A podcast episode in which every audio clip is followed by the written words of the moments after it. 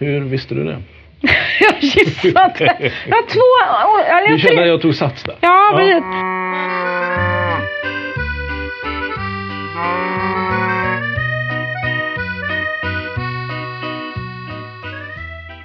Det här är Ostpodden och jag är Johan. Ja, det var alldeles för länge sedan jag sa det senast. Så vad hände med Ostpodden? Ja, den eh, gav inte eh, vika totalt, men den fick eh, stå åt sidan lite grann till förmån för andra ostigheter. Det är ju så att jag kör den här lilla grejen som heter Cityysteriet här nere i Göteborg också. Och ehm, det har väl helt enkelt snurrat på väldigt mycket med eh, den verksamheten. Det har blivit ostar och folk har varit intresserade av oss. Så att eh, tyvärr har Ostbollen fått vila lite för mycket under våren. Men nu ska det bli andra bullar av, kan vi väl kalla det. Och jag tänkte att så här i kosläppens och sommarbetenas tid är det väl alldeles utmärkt att eh, vi tar ett snack med en av författarna bakom boken Kornas planet. Den vi alldeles strax ska träffa är Ann-Helén Meyer von Bremen.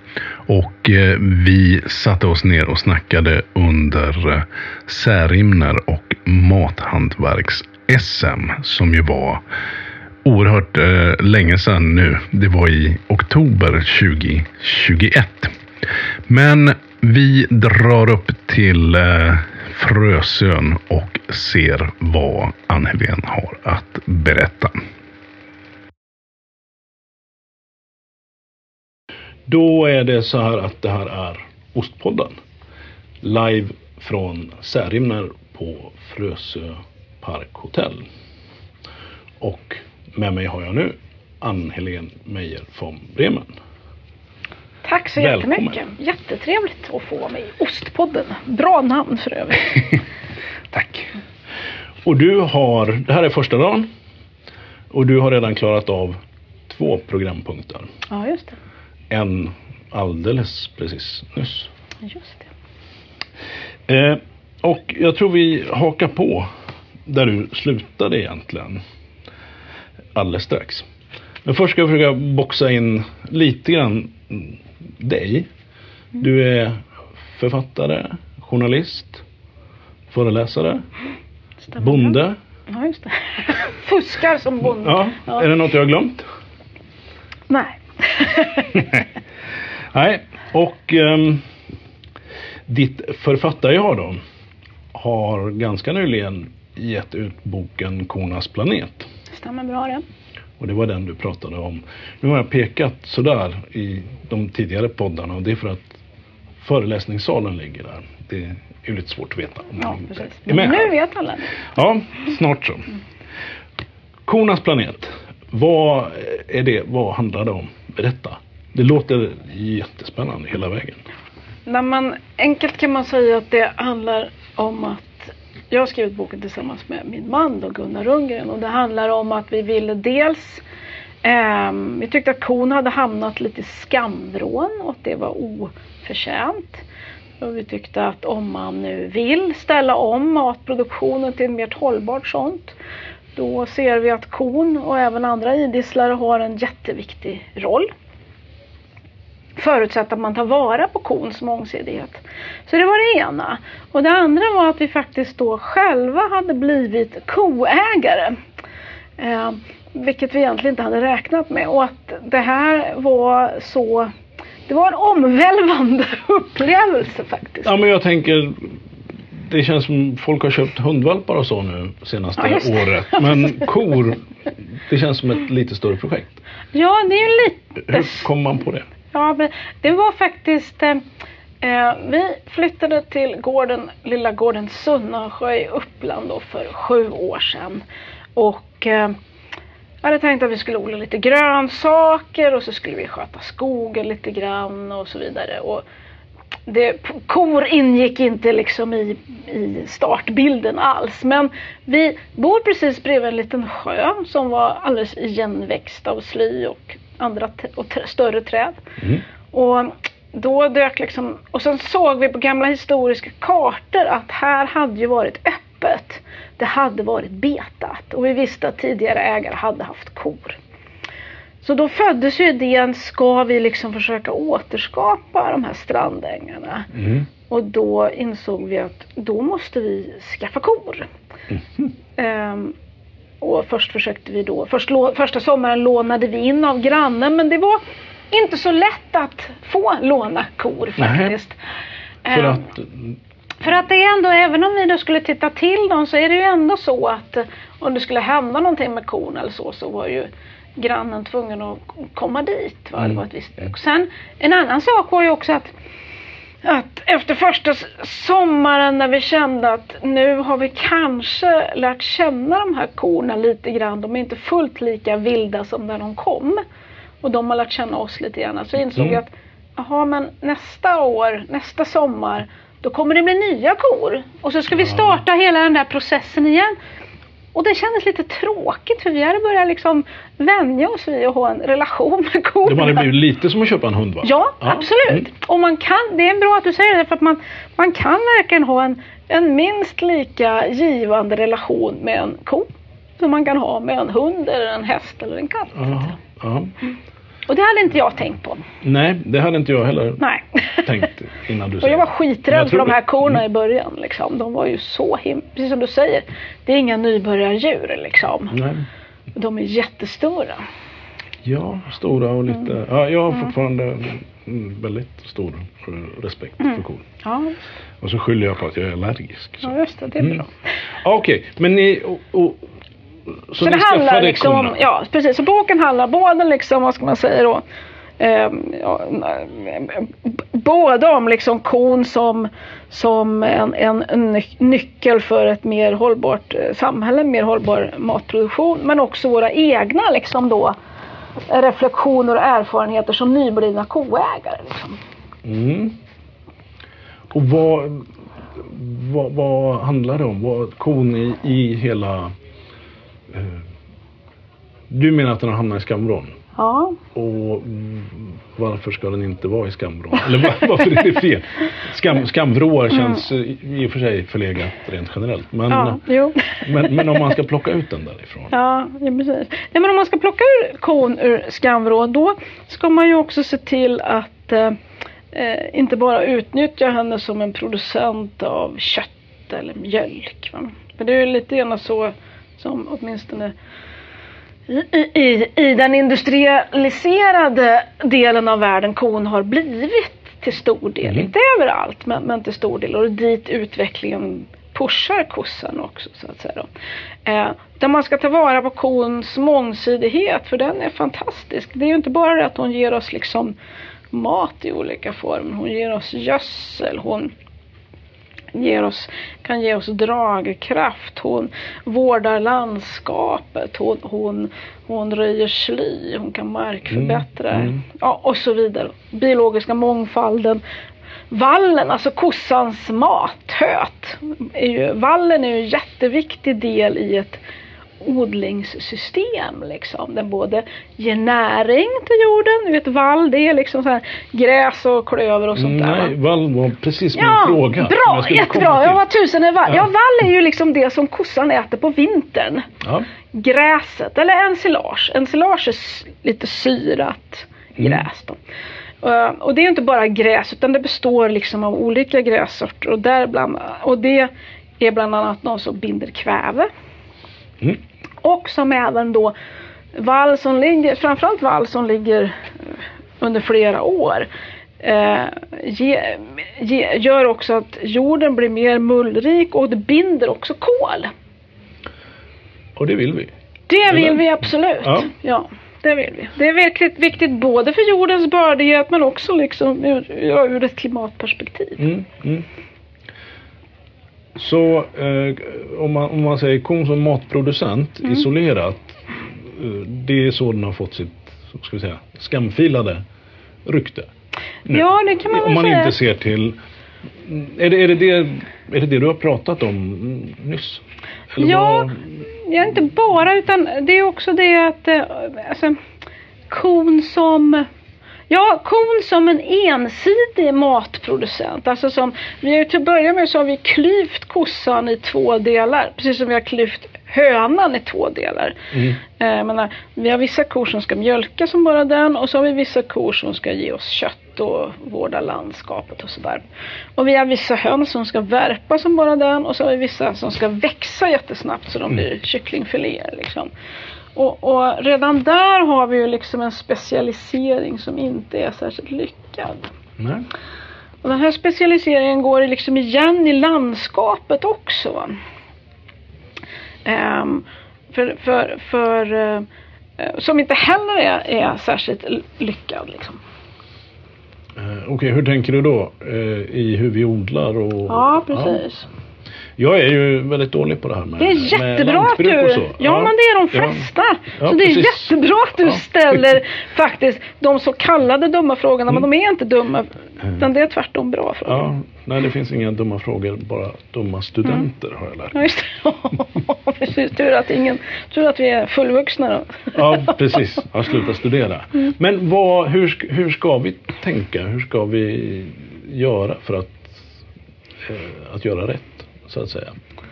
Ja, du... Ja, det, Går det och ja, men det gör det ju. Det finns behöver man ställa om?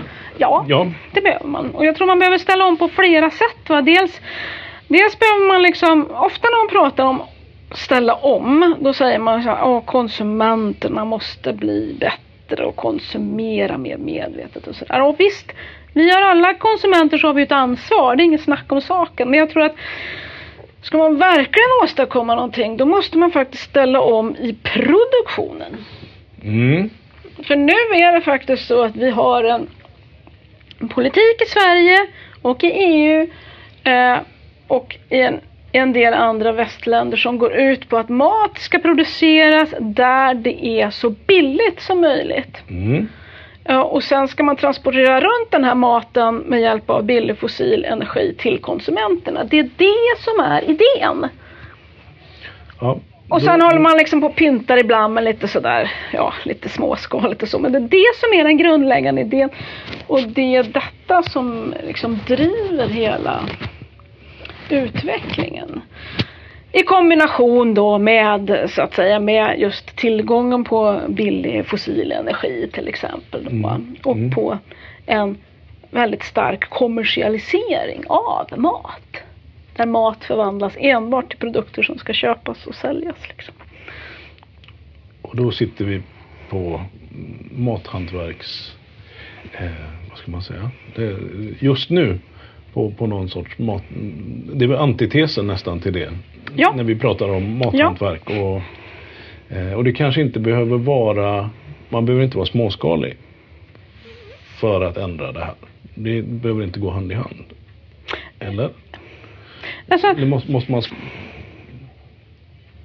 ja, alltså, man kan säga som så här att nej, man måste inte vara småskalig, men det underlättar. Jaha, ja. Du har en fördel om du är småskalig i det här. Därför att det finns faktiskt forskningsstudier som visar att du har en större till exempel biologisk mångfald på små gårdar Jaha. och att, än du har på stora. Och du har till och med en större skillnad, större positiv skillnad mellan små och stora gårdar än vad du har mellan ekologiska och konventionella gårdar. Då ska man veta att vi odlar ändå ekologiskt men ändå så är, är det så det är. Ja. Ehm, och det är inte så konstigt därför att i liksom det här, jag sa ju förut att vi har liksom, vi har skapat en liksom, vi har en politisk idé och vi har ett ekonomiskt klimat som går ut på just det här, billig mat. Mm. Och då handlar det ju liksom om att effektivisera allting, kossorna, bönderna och landskapet. Mm. Mm. Så åkern ska gå ända fram till skogen. Och skogen plantas ju med gran och tall och den ska gå ända fram till åkern. Och skogsbrynen, alltså den här gränsövergången mellan åker och skog. Mm. Som, och det är ofta de här gränserna som är intressanta när det gäller biologisk mångfald. Där finns det ofta massa djur och växter sådär. va? Därför att, Och när vi säger djur då försvann. menar vi mycket små djur? ja, Insekter ja, absolut och... små djur va. Ja, Ja. absolut.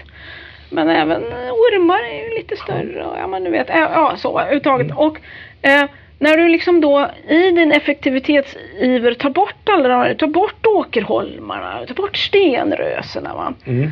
Eh, Du tar bort blandningen av små betesmarker, små ängar, små skogspartier och så vidare.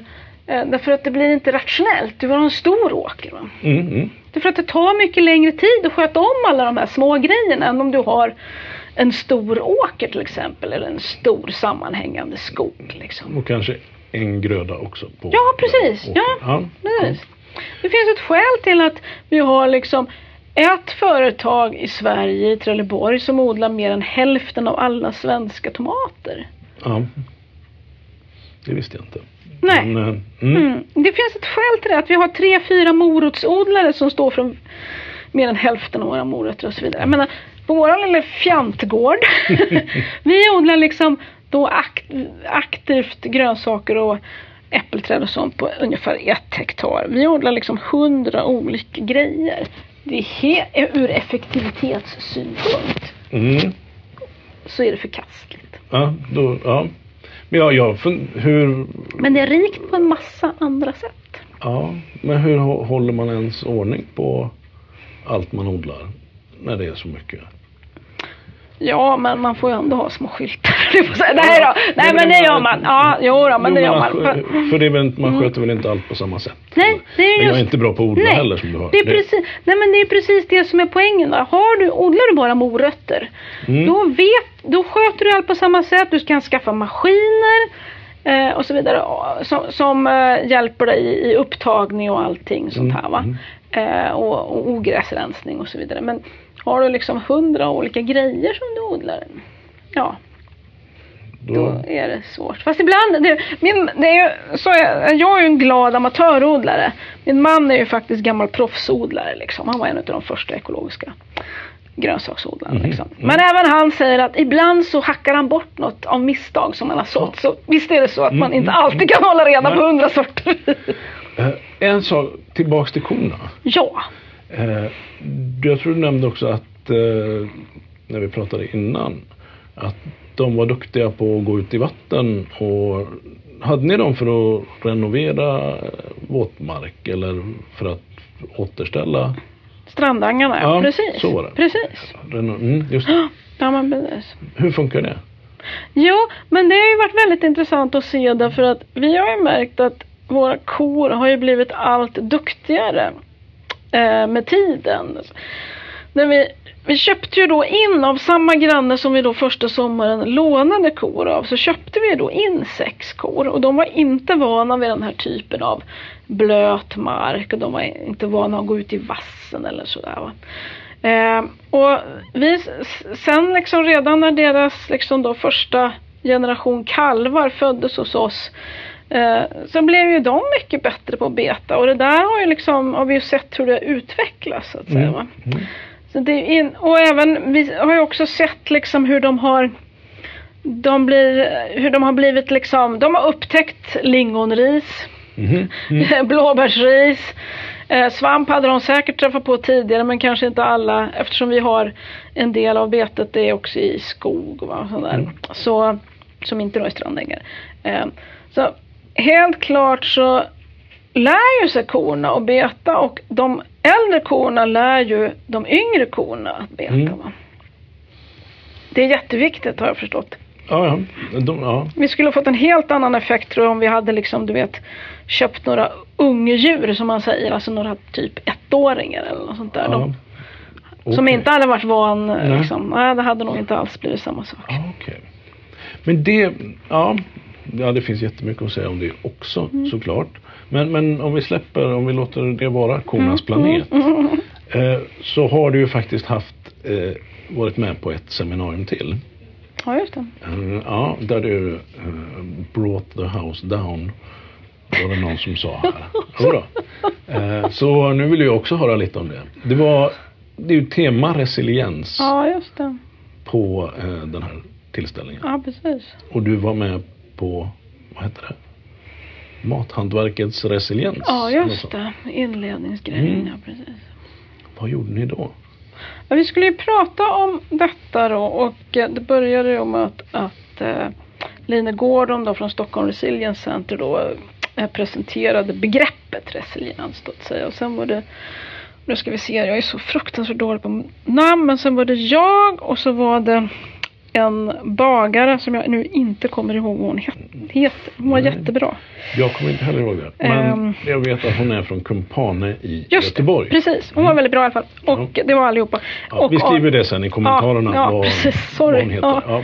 Ja. och Adam Arnesson. Mm. Han är också, också väldigt bra. Eh, och så pratade vi då om resiliens på ur lite olika perspektiv och jag pratade då om eh, hade fått uppdraget att prata om animalierna och vikten av liksom ja, att ha en livsmedelsproduktion då som blandar både animalier och vegetabilier eftersom jag tycker att det är en, en ibland så beskrivs detta som en konflikt men jag, det finns egentligen ingen konflikt för de är de berikar varandra och de är tvärtom. Ska vi prata, ska vi prata resiliens så är det jätteviktigt att ha en kombination Mm. av animalier och vegetabilier. Och, och det som jag egentligen som var min huvudgrej var egentligen att jag menar, resiliens är kanske för många ett nytt begrepp. Men Mm. innebörden är ju gammal i lantbruket och i livsmedelsproduktionen. Att liksom ta hänsyn till de ekologiska förutsättningarna, att försöka ha marginaler, att anpassa sig liksom till förändrat klimat och så vidare. Se till att maten räcker även över vintern. Det har ju ju faktiskt gjort. Ja, För vad ska man säga? Resiliens? Ja, men så. Mm. Men om man boxar in det till Mm. eh, en mening. Vad, Mm. vad är resiliens? Det är följsamhet eller eh, mm, vad blir det? Ja, följsamhet är väl inte så dumt. Alltså jag, ehm,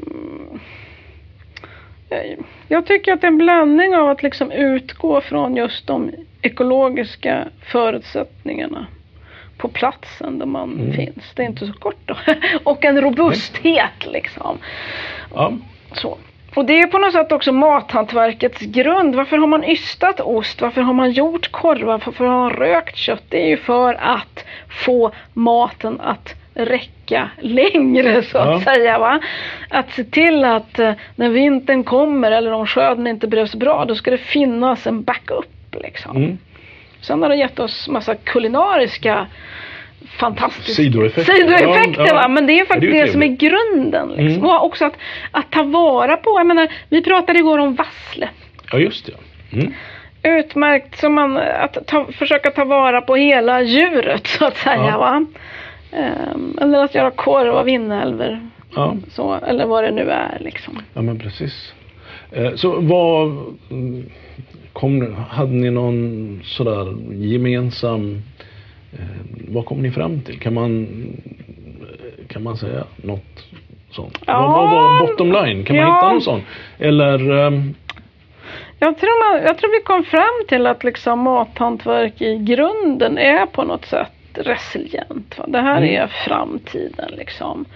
Ehm, och att även då inte bara liksom och, och att människor som bedriver mathantverk som alltså då har en kunskap mm, är en handens kunskap som jag tror är jätteviktigt att uppvärdera. Mm. är också nödvändigt i framtiden. Landshövdingen uttryckte faktiskt en sorg. Hon berättade om sina föräldrar att de brukade slakta eh, gris så här dags ja just det. på Mm. året. Och att de sen tog vara på den här grisen på olika sätt och att de då bland annat gjorde lungkorv. Blodkorv. Ja, eh, ja, jag har ingen aning om vad det är. Det kanske är hackkorv, jag vet det, som vi har i Värmland. Men det kan vara en helt annan korv. Eh, och hon sa att hon kunde inte det och att hon, det var uppenbart att hon tyckte att det var trist. Och det är Mm. jättemånga människor som inte kan mathantverk. Det är jättemånga människor som knappt kan laga mat. Ja, det, så är Och det är en faktiskt. ökande Ja, grupp va? Och, och, så jag försökte eh, ta vara på detta och just prata om liksom vikten av vikten av eh, att kunna laga mat. Då, då, då var det någon i publiken som, som hakade upp sig på just lungkorven och sa att det var ju sannerligen ingen korv att satsa på. Det är mycket möjligt, det har jag ingen aning. Nej, nej.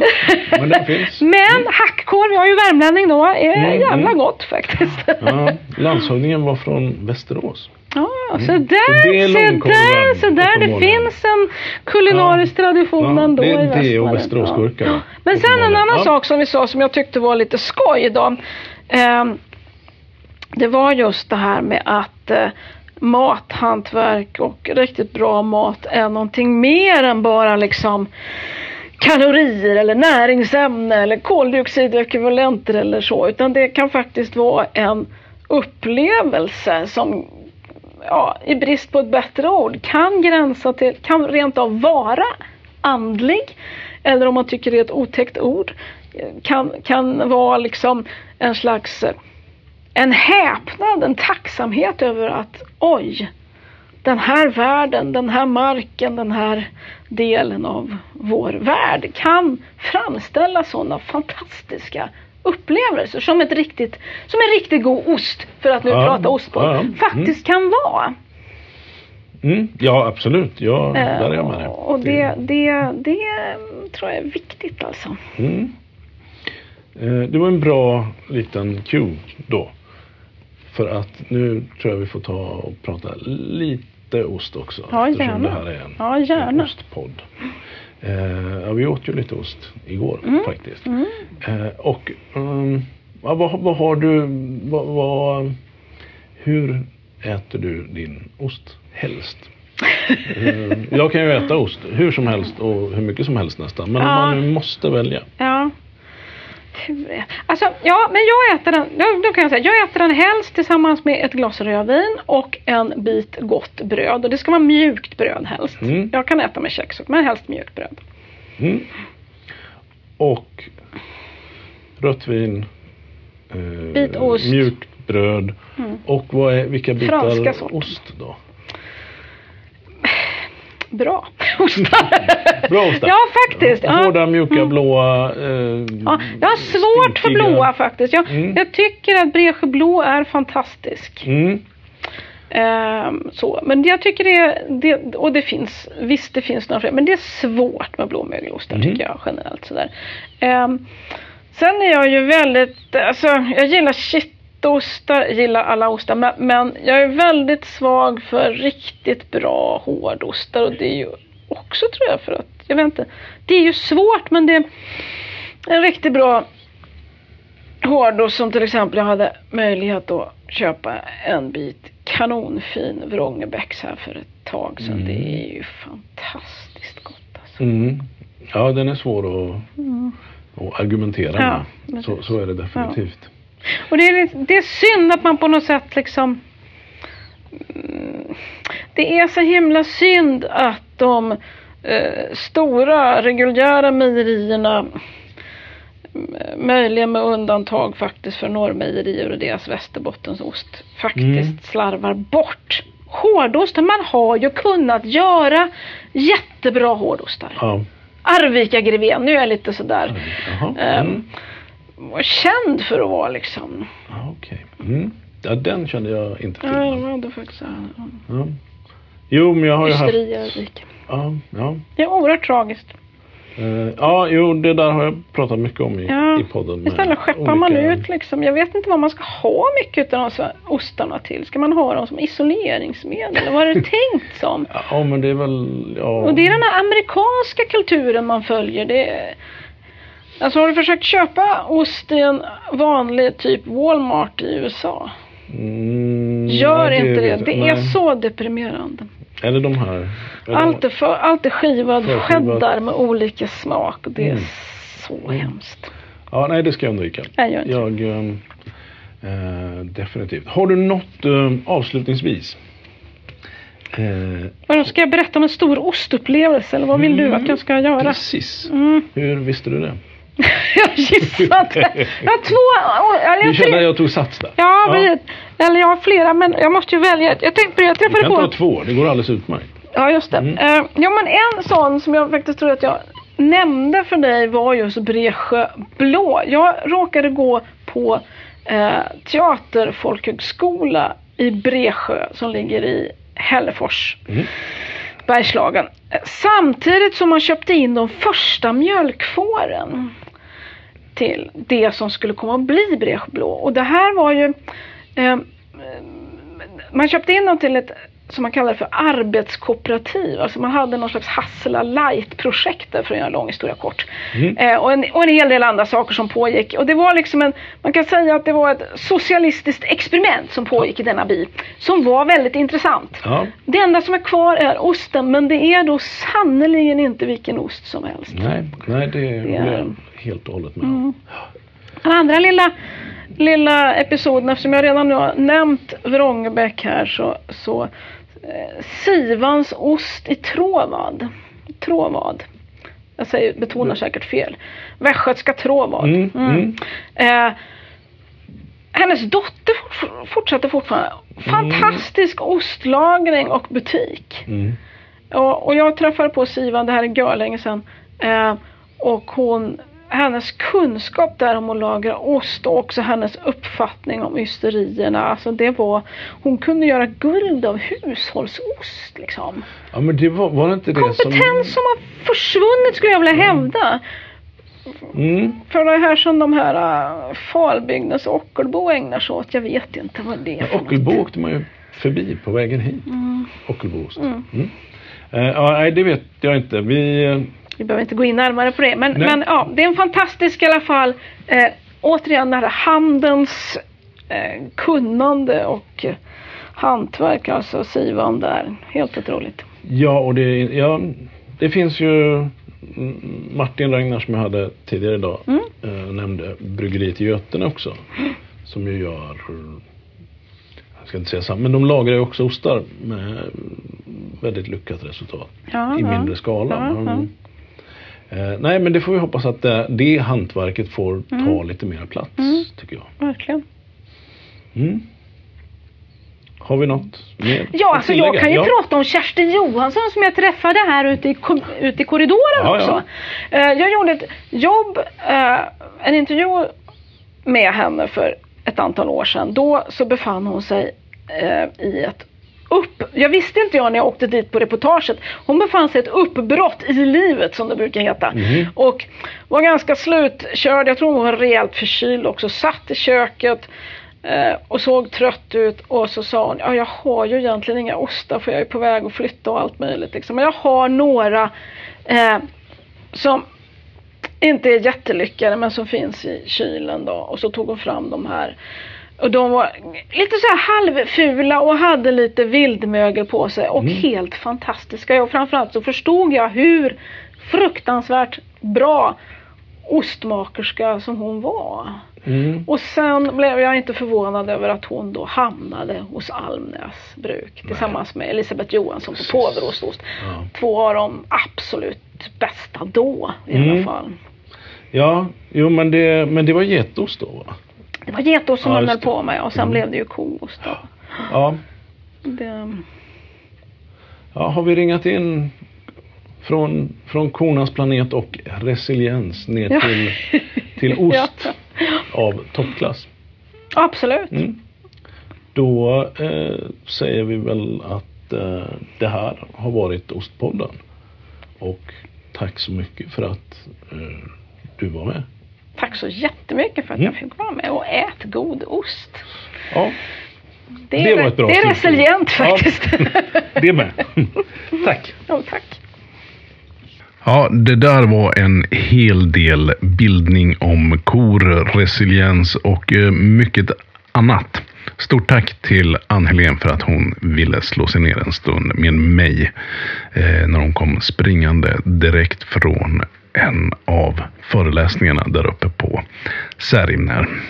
Som jag sa tidigare kommer vi nu att rulla ut Ostpodd-avsnitt i ett betydligt högre tempo.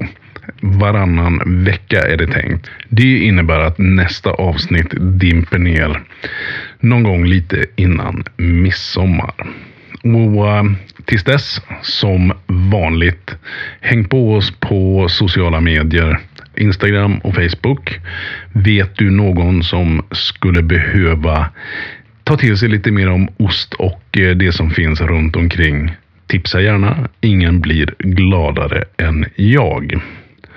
Då återstår bara att säga det här har varit Ostpodden. Du har varit tapper. Tack så mycket för att du har lyssnat. Vi hörs om två veckor igen.